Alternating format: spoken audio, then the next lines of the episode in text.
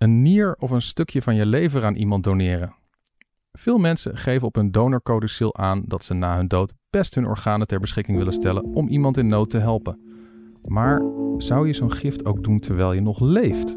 Onder het mes gaan om iets uit jezelf te laten snijden wat iemand anders nodig heeft om verder te kunnen leven. Zou jij het doen? Hier is weer een nieuwe aflevering van Ondertussen in de Kosmos, de podcast van de wetenschapsredactie van de Volkskrant. Mijn naam is Tony Mudde, chef van die wetenschapsredactie.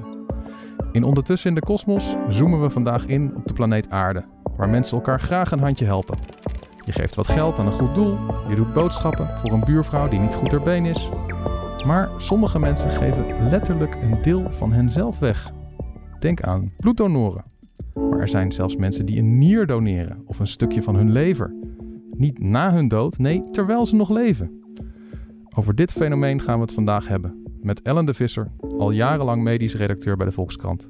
Ze sprak met mensen die doneerden, mensen die ontvangen en met artsen die bij zo'n operatie betrokken zijn.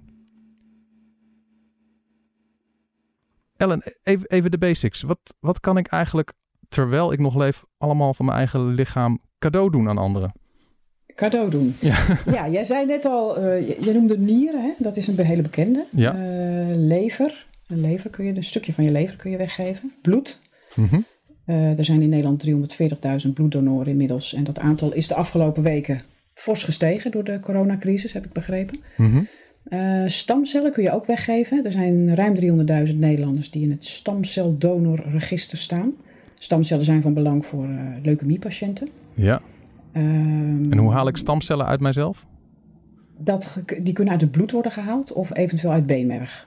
Oké, okay, ja. En die match, een match met een leukemiepatiënt, is heel, dat gebeurt heel weinig. Dus er zijn heel veel donoren in. En die, internationaal worden die dan vergeleken. En als je een match hebt, ja, dan, dan word je opgeroepen. Dat gebeurt niet heel vaak. Uh, darmen en longen kun je ook nog bij leven doneren. Dat gebeurt niet in Nederland, gebeurt wel in de Verenigde Staten, heel soms. Maar dat is best een risicovolle ingreep.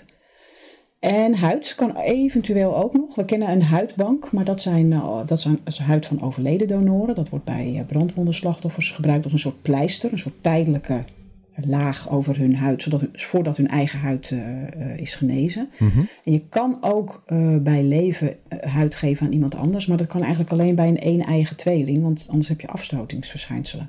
Ja, dus we hebben een paar jaar ja. geleden een verhaal ook in de krant gehad van een Fransman die over zijn hele lichaam was verbrand. Dus die had geen één stukje van zichzelf meer over. En die werd gered door zijn tweelingbroer, die zijn huid doneerde. Ja, ja, ja, ja. Dus dan Ja, gaan ze echt bij die tweelingbroer stukjes huid weghalen. Ja, met een soort kaasschaaf schrapen ze het weg. Ja. Zodat hij, hij houdt er dan alleen maar schaafwonden aan over. En dan doneren ze, de, ze transporteren dat bij zijn tweelingbroer. Wauw. Maar ja, dat, en dat werkt dus alleen als, als het een tweelingbroer is. Ja, Ja, ja, ja. dat moet, eh, anders krijg je afstoting. Ja. En is er, eh, ehm, nou ja, het, het, allerpraktische lijkt me natuurlijk eh, als je dan ja, organen kan krijgen van iemand die al is overleden. Ja. Eh, minder risicovol ook. Maar blijkbaar is er daar dus veel te weinig van. ja, nou ik, zat, ik heb net nog even de, de laatste cijfers eh, in het donorregister bekeken. En we hebben inmiddels eh 7 miljoen donoren staan daarin. Dat aantal is de afgelopen eh, f- 10 jaar best gestegen. Mhm. Alleen het punt is, daarvan zijn 2,4 miljoen mensen die geen toestemming voor donatie naar de dood geven. Voor transplant, dus die willen hun organen niet afstaan. Ja. Dus dan hou je 4,5 miljoen Nederlanders over. Ja, dat zijn er eh, eh, tot nu toe gewoon niet genoeg. Als je bijvoorbeeld naar levers kijkt, Ja. daarvan zijn er jaarlijks 250 nodig om alle leverpatiënten te kunnen helpen. En er komen er maar 150 tot 180 beschikbaar. En datzelfde geldt voor nieren. Daar is de wachtlijst gewoon, daar staan 700 mensen op de wachtlijst. Ja. Dus dat maakt die, levende, die, die donatie bij leven zo belangrijk. Als, zijn- als die mensen er niet zijn, ja, dan, dan staan er nog meer mensen op de wachtlijst. En van de mensen die overlijden en hun, hun organen ter beschikking stellen, eh, zijn die dan vaak niet bruikbaar omdat die, eh, omdat die mensen oud en ziek zijn? Of? Ja, deels. Niet alle organen zijn geschikt. Dus, eh, hoewel er nu wel steeds meer technieken zijn om ook eh, wat minder geschikte organen wat op te kalefateren. Met allerlei, eh, ja, dan gaan ze die doorspoelen en met bloedstroom, et cetera. Maar het is ook deels gewoon een kwestie van dat het er niet genoeg zijn. Ja, Kijk, precies. je denkt 4,5 miljoen mensen. Nou nee, maar dat, jeetje, maar dat, dat moet lukken. Maar ja, weet je, die gaan niet allemaal tegelijk dood. Nee, precies. En, en, en die hebben ook niet allemaal de juiste organen. En soms hebben ze een ziekte waardoor ze helemaal geen organen kunnen doneren. Nou ja, dat gaat er, valt allemaal weg. Ja, precies. Want als iemand bijvoorbeeld ka- kanker heeft, dan, dan, Ja, dan- ja, uit- uitgezaaide kanker, dan, dan is zo'n lever waarschijnlijk minder interessant. eh, nee, want dan wil je niet, die wil je niet transplanteren natuurlijk. Nee, precies. Nee. En eh, jij sprak met een mevrouw die een stuk van haar lever weggaf. Eh, kun je daar wat meer Ja. over vertellen? Wie, wie is dat en waarom deed ze dat? Ja, Rosanne is ehm, een een 27-jarige eh, vrouw. Die heeft een stukje van haar lever gegeven aan Mariem, een meisje van vier, het- de dochter van haar beste vriendin. He- had een hele ernstige leverziekte. Die ging snel achteruit, stond op de wachtlijst voor een, voor een donorlever van een overleden donor. En toen zei Rosanne, ik wil het wel doen. En die, ze hadden een match, want je moet echt heel streng gescreend worden. Ze had bijvoorbeeld dezelfde bloedgroep als Mariem. En zo heeft zij begin maart in Groningen, in het UMCG, heeft zij 300 gram van haar lever afgestaan aan Mariem. En dat zit dus nu in de buik van Mariem. 300, 300 gram. En hoe, 300 hoe, gram. groot, hoe groot is zo'n lever? Normaal? Een volwassen, een volwassen lever is ongeveer anderhalve kilo.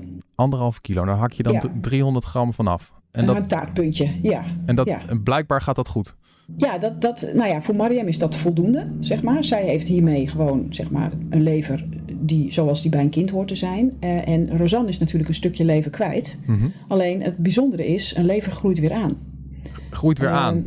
Een lever, net, als de, dus net als de staart van een hagedis groeit de lever weer aan. Ehm, en dat, dat kennen we al een beetje uit de Griekse mythologie, eh, de mythe van, eh, van Prometheus, die door eh, Zeus werd gestraft en werd vastgeketend aan een rotswand, eh, waar een adelaar een deel van zijn lever opat. En die lever die groeide elke heerlijke straffen aan. bedenken ze altijd in, die- in, in, ja, ja.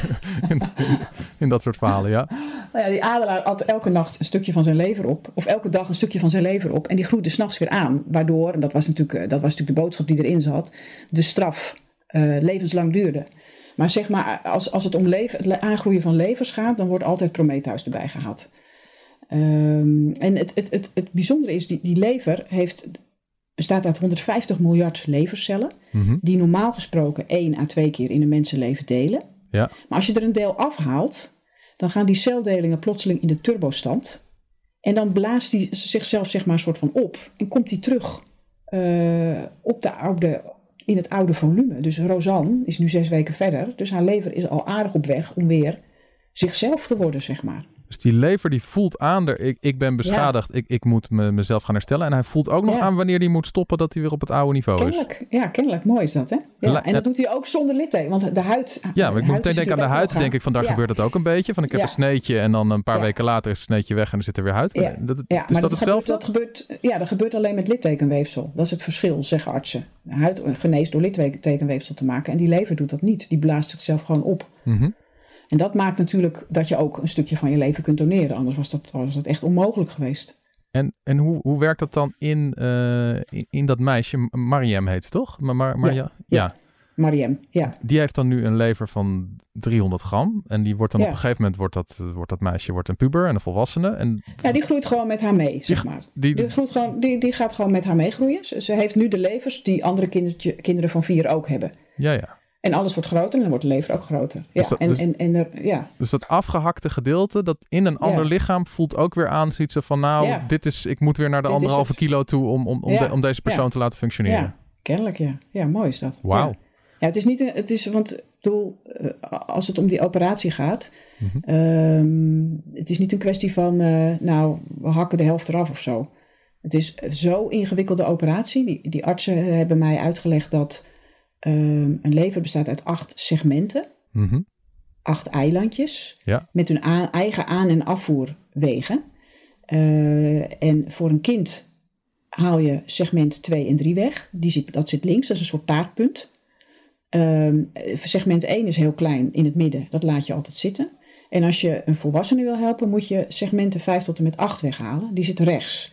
Dus het is een ongelooflijk gepiel en gepruts om al die eilandjes met hun eigen Oh, jeetje. kanaaltjes helemaal weg te halen. En dat moet dan allemaal weer aangesloten worden bij, eh, eh, in dit geval bij Mariem. Dus daar zijn ze een dag mee bezig. Dus twee operatiekamers naast elkaar. Rosanne eh, ging eerst naar binnen. Daar zijn ze begonnen. En toen hebben ze Mariem in de operatiekamer ernaast gelegd. En uiteindelijk, zo, nou, ik stel me zo voor, halverwege de dag, gaat die lever van de ene naar de andere operatiekamer. Wauw, dat is echt een mega-operatie. Ja, ja. En, en er zijn ongetwijfeld luisteraars, en ik ook een beetje, die denken van, oh, wat doet een lever ook alweer in je lichaam? Hoe, hoe zit dat? Wat, wat, Oh doet, ja, wat doet zo'n ja. ding eigenlijk? De lever is zeg maar de chemische fabriek van het lichaam. Daar vinden 600 chemische processen plaats. Eh, denk aan de productie van gal. Dat heb je nodig om vet te verteren. Eh, de lever maakt ook stoffen aan voor de bloedstolling. Eh, de lever maakt gifstoffen ons, onschadelijk in je lichaam. De lever is belangrijk voor de opslag van ijzer. Nou, ga zo maar door. Er, er, gebeurt, eh, er gebeurt van alles. En, en artsen denken dat dat ook de verklaring is voor het feit dat die lever weer aangroeit. Die lever is zo belangrijk. Mhm. Die chemische fabriek kun je gewoon niet missen. Eh, dat zou kunnen verklaren waarom een lever weer in zijn oorspronkelijke staat terugkeert. Ja, ja, ja. Dus dat ergens in de evolutie het zo gegroeid is van dat mensen die, die dat in zich hebben, dus zo'n lever die maar goed blijft functioneren, ook als die beschadigd raakt, dat die gewoon ja, Ja. verder verder komen. Ja, klopt niet helemaal Ja. die redenering, hè, want een hart is natuurlijk ook belangrijk. Maar goed, weet je. Ik, ik Ook denk best dat handig. dus- ja, ook best handig ja dat, hebben. wil ik toegeven. Ja. Maar eh, ik denk dat er wel een kern van waarheid in zit. En eh, ja, ik, ik heb me wel eens laten vertellen van ja, de, de, de eerste operatie zonder risico's, die moet nog worden uitgevonden. Eh, Zeker, ja. ga- hier gaan ook wel eens mensen bij dood dan, denk ik, of niet? Als, als, ze, als ze een lever doneren of ja. een nier? Ja, ja, ja, nee zeker. Eh, elke operatie heeft risico's. Eh, denk alleen al aan infecties eh, bijvoorbeeld die kunnen ontstaan. In Nederland heb ik me laten vertellen is er nog nooit iemand overleden. Maar artsen zijn wel heel, heel erg op hun hoede. Want zoals een van de chirurgen mij uitlegde, het is de enige operatie waarbij ik twee patiënten tegelijk kan verliezen. Eh, Ja, inderdaad. Heel vaak is het een, een familielid. Dus een, stel je voor, een kind heeft een nieuwe leven nodig. Heel vaak is het de vader of de moeder die dan doneert. En dan zegt, ja, kun je je voorstellen, dan zit die moeder de hele dag op de gang te wachten. Zowel haar man als haar kind liggen in de OK. En die lopen allebei risico. Ja. Eh, die, dat risico is op overlijden is overigens heel klein. Maar het is niet nul. Eh, er is ook toch nog wel een kans op complicaties. eh, in de zin van extra pijn of langere ziekenhuisopname. Dus het is niet zo dat je zo even fluitend naar binnen loopt. Ik, denk dat Rosanne dat ook wel kan vertellen. Ja, ja. Dat het best wel zwaar is. En, en, eh, ja, en, dan, dan doe je dat. En waarom was het in haar geval eigenlijk... Ja, ik, zou, me- ik kan me bedenken dat als het, als het zoiets mijn kinderen mijn lever nodig zouden hebben, dan zou ik zeggen, oké, go. Ja. Eh, waarom waren het bij haar eigenlijk niet haar eigen ouders die dat eh, konden doen? Of, Ja, of was er geen match die- of zo? Ja, er was geen match. Die, Ja, wilden, die hebben zich natuurlijk als eerste aangeboden. Ik denk dat elke ouder, hè, eh, als, een- als jouw kind een, le- een stuk leven nodig hebt, dan, dan sta je gewoon vooraan. Alleen het is wel een hele strenge screening. En een van de dingen is bloedgroep moet, moet matchen. Ja, oké. En, ook, en ook, het is ook niet een kwestie van, oké, nou we hebben hier een vader en dat gaat goed en hak er maar een stuk af. Ik, had, ik zei het net over die segmenten. Als je een hele grote vader hebt met heel veel hele grote segmenten, zeg maar, en je hebt een heel klein kindje, dan past dat niet. Dus, dus die screening, die is echt ongekend. Je gaat door, door de CT-scan en de MRI en bloedonderzoek en van alles en nog wat. En ja, vaak vallen, of niet, ja, niet altijd kunnen ouders doneren. ja, en zo kwam, was Rosanne, zo kwam zo. Rosanne in Ja. beeld. Ja, Ja, en een oom van, Roos, eh, van Mariem wilde ook doneren. En ook hij kwam niet door de screening heen. En eh, nou ja, toen kwam Rosanne in beeld en die zei, ik wil het wel doen. En zij had dezelfde bloedgroep. Mhm. En eh, ook de andere, ze moest ook de hele dag praten met, met, met chirurg en met eh, vertrouwensarts. Ze willen ook echt zeker weten dat je het uit vrije wil doet. ja. En dat je niet een klein beetje onder druk bent gezet. En hoe kan je dat controleren, joh, als, als arts? Ja, door er heel erg lang over te praten. Ja, Rosanne zei mij dat ze, dat ze zelf tegen haar hadden gezegd... als je nou toch niet aandurft, hè, je durft het niet tegen jouw vrienden te zeggen... dan kunnen wij jou een medisch alibi geven. Kunnen dat, dat ze dan zeggen, van, nee, er is ja. toch iets in je lichaam waardoor het Ja. geen match is. Ja, Ja, dat, niemand het jou niet kan dan- kwalijk nemen. Ja, dan, dan hoef je niet alsnog jezelf terug te trekken. Dus zo ver gaan ze. En dat is natuurlijk ook goed. Weet je. Het, is, eh, het is, eh, er is een hele dunne scheidslijn tussen iets graag willen... en, en het toch eng vinden en het eigenlijk niet durven. Ja. Ja.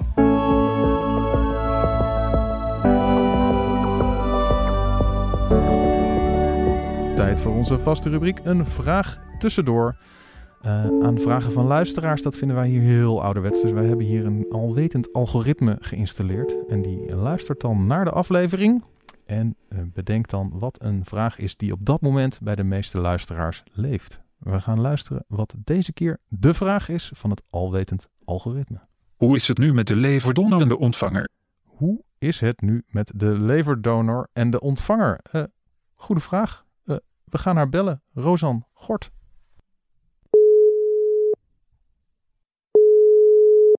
Hey. Dag uh, Rosanne, je spreekt met Tony Mudde van de Volkskrant. Yes. Ja, allereerst even, hoe lang geleden is de operatie nu? Uh, nu zes weken. Zes weken. En hoe gaat het nu, hoe gaat het nu met je? Ja, ja ik voel me goed. Mm -hmm. Lichamelijk uh, steeds sterker. Mentaal ook. Het was best wel een klap. Als je dan, toen ik na een week in het ziekenhuis terugkwam naar huis. En dan realiseer je, je opeens van wow, ik ging weg. Uh, gewoon gezond. En mm nu ben ik terug en kan niet eens de trap op. Ja, oké. Okay. Dus en, het is echt een uh, aanslag op je leven ook wel. Zo, ja, uh, ja. ja, dus die, die kwam echt wel even binnen. Maar um, ja, en je probeert je echt van tevoren, je probeert je er echt op voor te bereiden. Maar weet je, op de pijn en de revalidatietijd. Maar de, het, lukt gewoon niet. Ja. het is zo anders dan wat je je kunt voorstellen. Dus uh, ja, daar moet je maar mee dealen. En wat is zeg maar het, het, het verwachtingspatroon? Wanneer ben je weer de oude, denken de artsen? Um, ja, het verschilt heel erg. Um, ze zeiden tegen mij, de ene is na drie maanden weer de oude, de, de ander na zes maanden. Mm -hmm. Ja, sommige mensen blijven wel gewoon iets langer pijn hebben. Ja. Dus het is heel verschillend. Ja, precies. En is er ook wel eens een moment dat je, had, dat, dat je dacht zo van, uh, mijn hemel, uh, waarom heb ik dit gedaan? Of dat nooit? Nee, dat niet. Wel, um, wel dat je echt, uh, ja, dat je er gewoon echt klaar mee bent. Um, maar nee, ik heb nooit spijt gehad. Precies. En hoe, hoe, hoe gaat het met, met Mariam?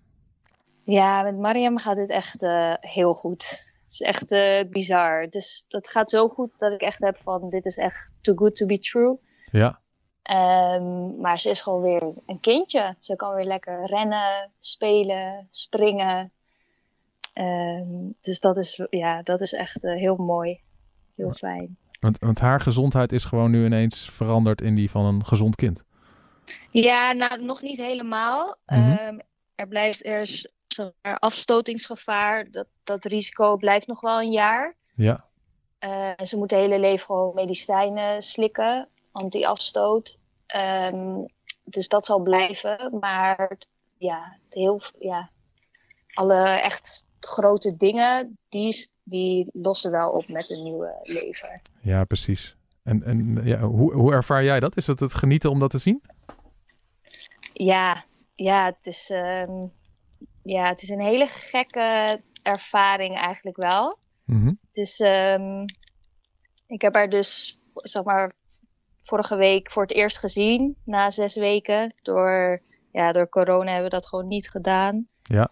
Um, ja, toen ik er dag kwam, ja, toen was het wel opeens van wow. Nu, uh, ja, ik, ik voelde hem. Heel veel liefde, heel veel uh, connectie. Uh, ja, het was, het was heel speciaal. Ja, je voelt dat wel. Maar ik bedoel, bedoel, jij, bedoel ja. jij, je hebt gewoon iemands leven gered eigenlijk. Nou, laat het woord eigenlijk maar weg. Je hebt gewoon iemands leven gered. ja, ja. Voor, voor mij ja, ik weet niet. Het voelt voor mij niet per se zo. Het, uh, het is echt gewoon. Ja, ik weet niet zo goed wat ik daarop moet zeggen. Ja, ik bedoel, de meeste mensen aan het eind van hun leven, die, die kunnen toch wat minder uh, interessante dingen op hun cv zetten. Het is, ja. het, het, is, het, het, is nogal wat. Heb, heb, je, heb ja. je ook het gevoel dat, uh, hoe, hoe is nu bijvoorbeeld de relatie tussen jou en haar ouders? Hebben die het gevoel van, ik moet, wij moeten de hele tijd dankbaarheid uitstralen? Of hoe gaat dat? Ja, dat is, ja, dat is wel grappig. Het is best wel op zich best wel lastig, want aan, voor hun, uh, voor hun kant, is het lastig, want zij, ik heb ze iets gegeven wat zij mij nooit terug kunnen geven. Ja. Um, en dus zij zitten met heel veel dankbaarheid en, en, en die kunnen ze, ja, die kunnen ze uiten, maar dan houdt het ook op. En voor, aan mijn kant is het ook lastig, want ik heb nu of ja, ik ben dan bang dat, dat zij alleen nog maar een soort van met mij omgaan. Omdat ik uh, hun kind een lever heb gegeven. Of een stuk van mijn lever. Ja. Dus dat is, maar dat is ook wel weer heel grappig. Want zolang je daar open over blijft communiceren, dan komt dat ook wel goed. Ja, precies. En het, en het voelt, uh, ik heb wel duidelijk tegen ze gezegd van, weet je, uh, het gaat nu even om jullie kind en onze relatie komt later. En ja, we geven elkaar gewoon veel vrijheid en dat voelt, voelt goed. Voor, voor, voor, voor mij ben je de, de held, van de, held van de maand hoor, dit verhaal. Ja, dat is lief. Ik, ik vind het echt een schitterend verhaal. Dus, dus da en dankjewel dat je dat nog even wilde, wilde toelichten in deze podcast. Ja, graag gedaan. Oké. Okay. Heel veel sterkte met, met verder aansterken, zowel, zowel lichamelijk als geestelijk. En, ja. Uh, en, uh, Dank je. Nou, echt, echt een schitterend verhaal en ik ben gewoon ontroerd. ja, fijn om te horen. Oké, okay. ciao. Doei doei.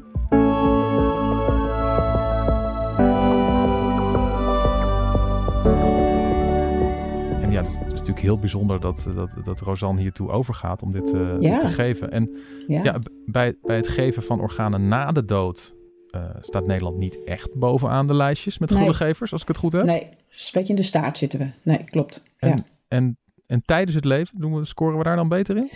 Ja, dat is wel grappig. We, uh, inderdaad, uh, bij na de dood zitten we in de staartgroep. Mhm. Uh, en als we, als we naar de, het aantal donaties bij leven kijken, nou bij nieren bijvoorbeeld, zijn, ik geloof dat alleen Turkije het beter doet. Maar een van de artsen wist mij uit te leggen dat je daar, ik, weet niet, ik weet niet of je dat erin moet zetten trouwens. Ja. je hoeft niet in het leger als je daar een nier doneert. Maar misschien is dat niet waar, dat weet ik niet zeker. Dus okay. laten we zeggen, um, inderdaad, doneren bij leven, daar zitten we in de kopgroep.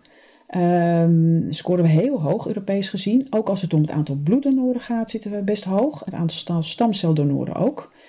En levers hebben we een tijdje niet zo heel goed gedaan, omdat er uh, in Rotterdam tijdelijk geen chirurg was die het kon doen. Want nou ja, denk even aan die segmenten en dat verhaal dat ik net heb verteld. Dat Ja. is echt, het is echt een precisieklus. Maar ze hebben nu weer een, um, een chirurg gevonden. Dus ze gaan 15 tot 20 transplantaties per jaar met levende donoren doen bij volwassenen. Dus kijk, als dat weer gaat lopen, dan komen we ook met levers in de kopgroep terecht, denk ik. Ja, en of je dan in zo'n kopgroep zit, dat, dat kan ook zo, zo, simpel zijn als dat hangt er vanaf of je een, een specialist in het land hebt die hier Ja. gewoon heel bedreven in is of niet. Kennelijk, ja, ja, klopt. ja, ja, Dus, dus niet per se iets in de volksaard van, uh, van, van. Nederlanders dat ze, dat ze makkelijker organen weggeven.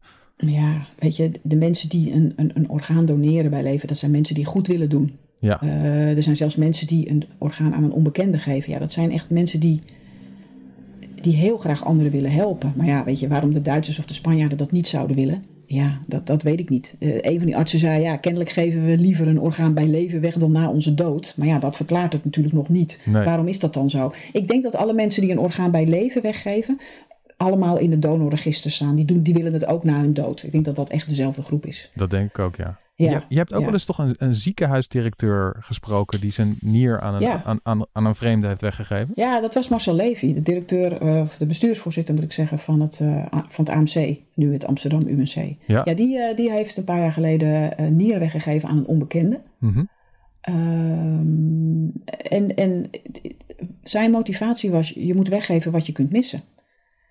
En door het verhaal in de krant uh, aan de Volkskrant te vertellen, uh, wilde hij anderen daarover laten nadenken. En hij zag, dat is natuurlijk heel bijzonder, hij is internist. En Marcel werkte ook nog, mm -hmm. ik geloof één dag of één ochtend in de week uh, op de polykliniek. En hij, hij, hij kende patiënten al, al tientallen jaren. En hij zag gewoon hoe zwaar patiënten, hoe, hoe zwaar nierpatiënten het hebben. Want wij zeggen dan wel, maar ja, een nierpatiënt kan je ook nog wel dialyseren. Ja, dat is wel zo. Maar dat is niet, dat is echt geen pretje. Dat, is, dat, is, uh, dat zag hij ook wel, hoe zwaar dat was. Mm -hmm. uh, en hij, hij zag ook hoe patiënten opknapten van een donororgaan. Ja. En hij zei, uh, mensen moeten zich eens realiseren dat ze met een orgaandonatie een ander een waanzinnig plezier kunnen doen. Laat ze daar nou eens een paar minuten over nadenken. En dat was zijn motivatie om het verhaal te vertellen. En uh, maar ja, met zijn nier is dus een onbekende andere gered. Ja, en hij heeft het dus ook aan iemand gegeven die hij niet kende. Dus, ja, uh, ja, klopt. Nou, er zijn meer uh, bekende Nederlanders die dat hebben gedaan. Hoor. Bij het, een actrice ken ik en ook de directeur van de nierpatiëntenvereniging, die heeft, hebben het ook gedaan. Er zijn inmiddels meer, als, je, als het om niertransplantaties gaat, dan komen de meeste nieren van levende donoren, meer dan van overleden donoren. Wauw. Meer dan 500 per jaar, ja.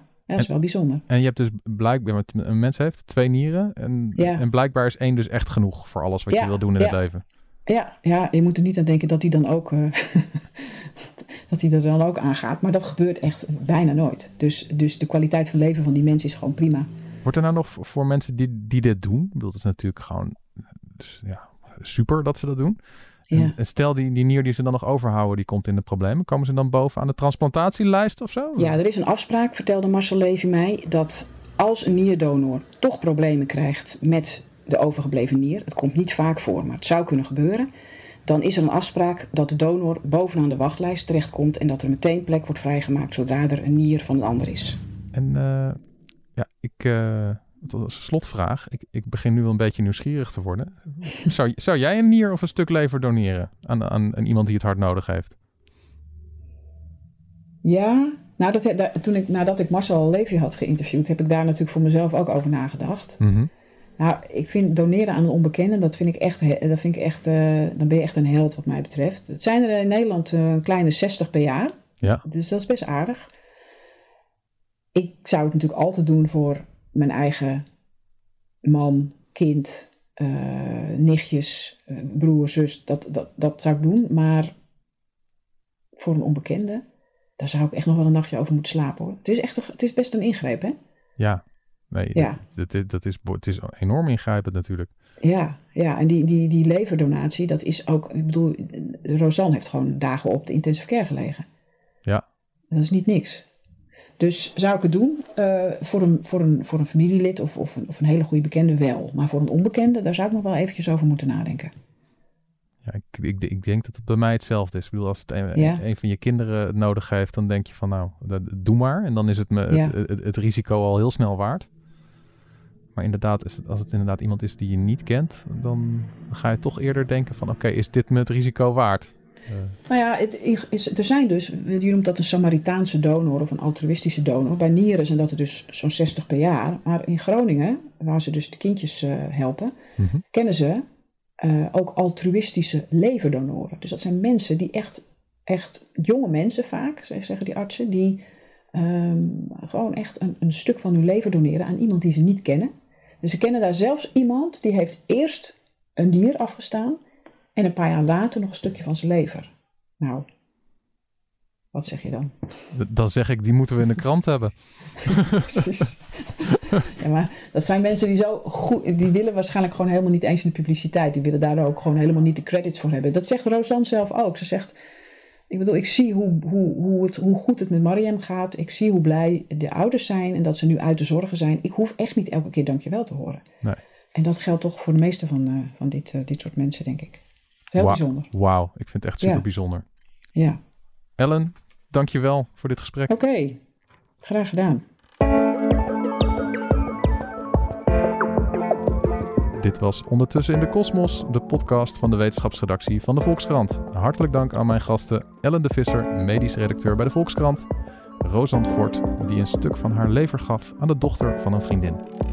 Verder dank aan ons podcastteam achter de schermen, Daan Hofstee, Simone Eleveld, Corinne van Duin. Wil je de volgende aflevering van Ondertussen in de Kosmos niet missen? Abonneer je dan op je favoriete podcast-app. Vrolijke recensie achterlaten, worden wij ook vrolijk van. Dit was Ondertussen in de Kosmos, de podcast van de wetenschapsredactie van de Volkskrant. Graag tot een volgende keer.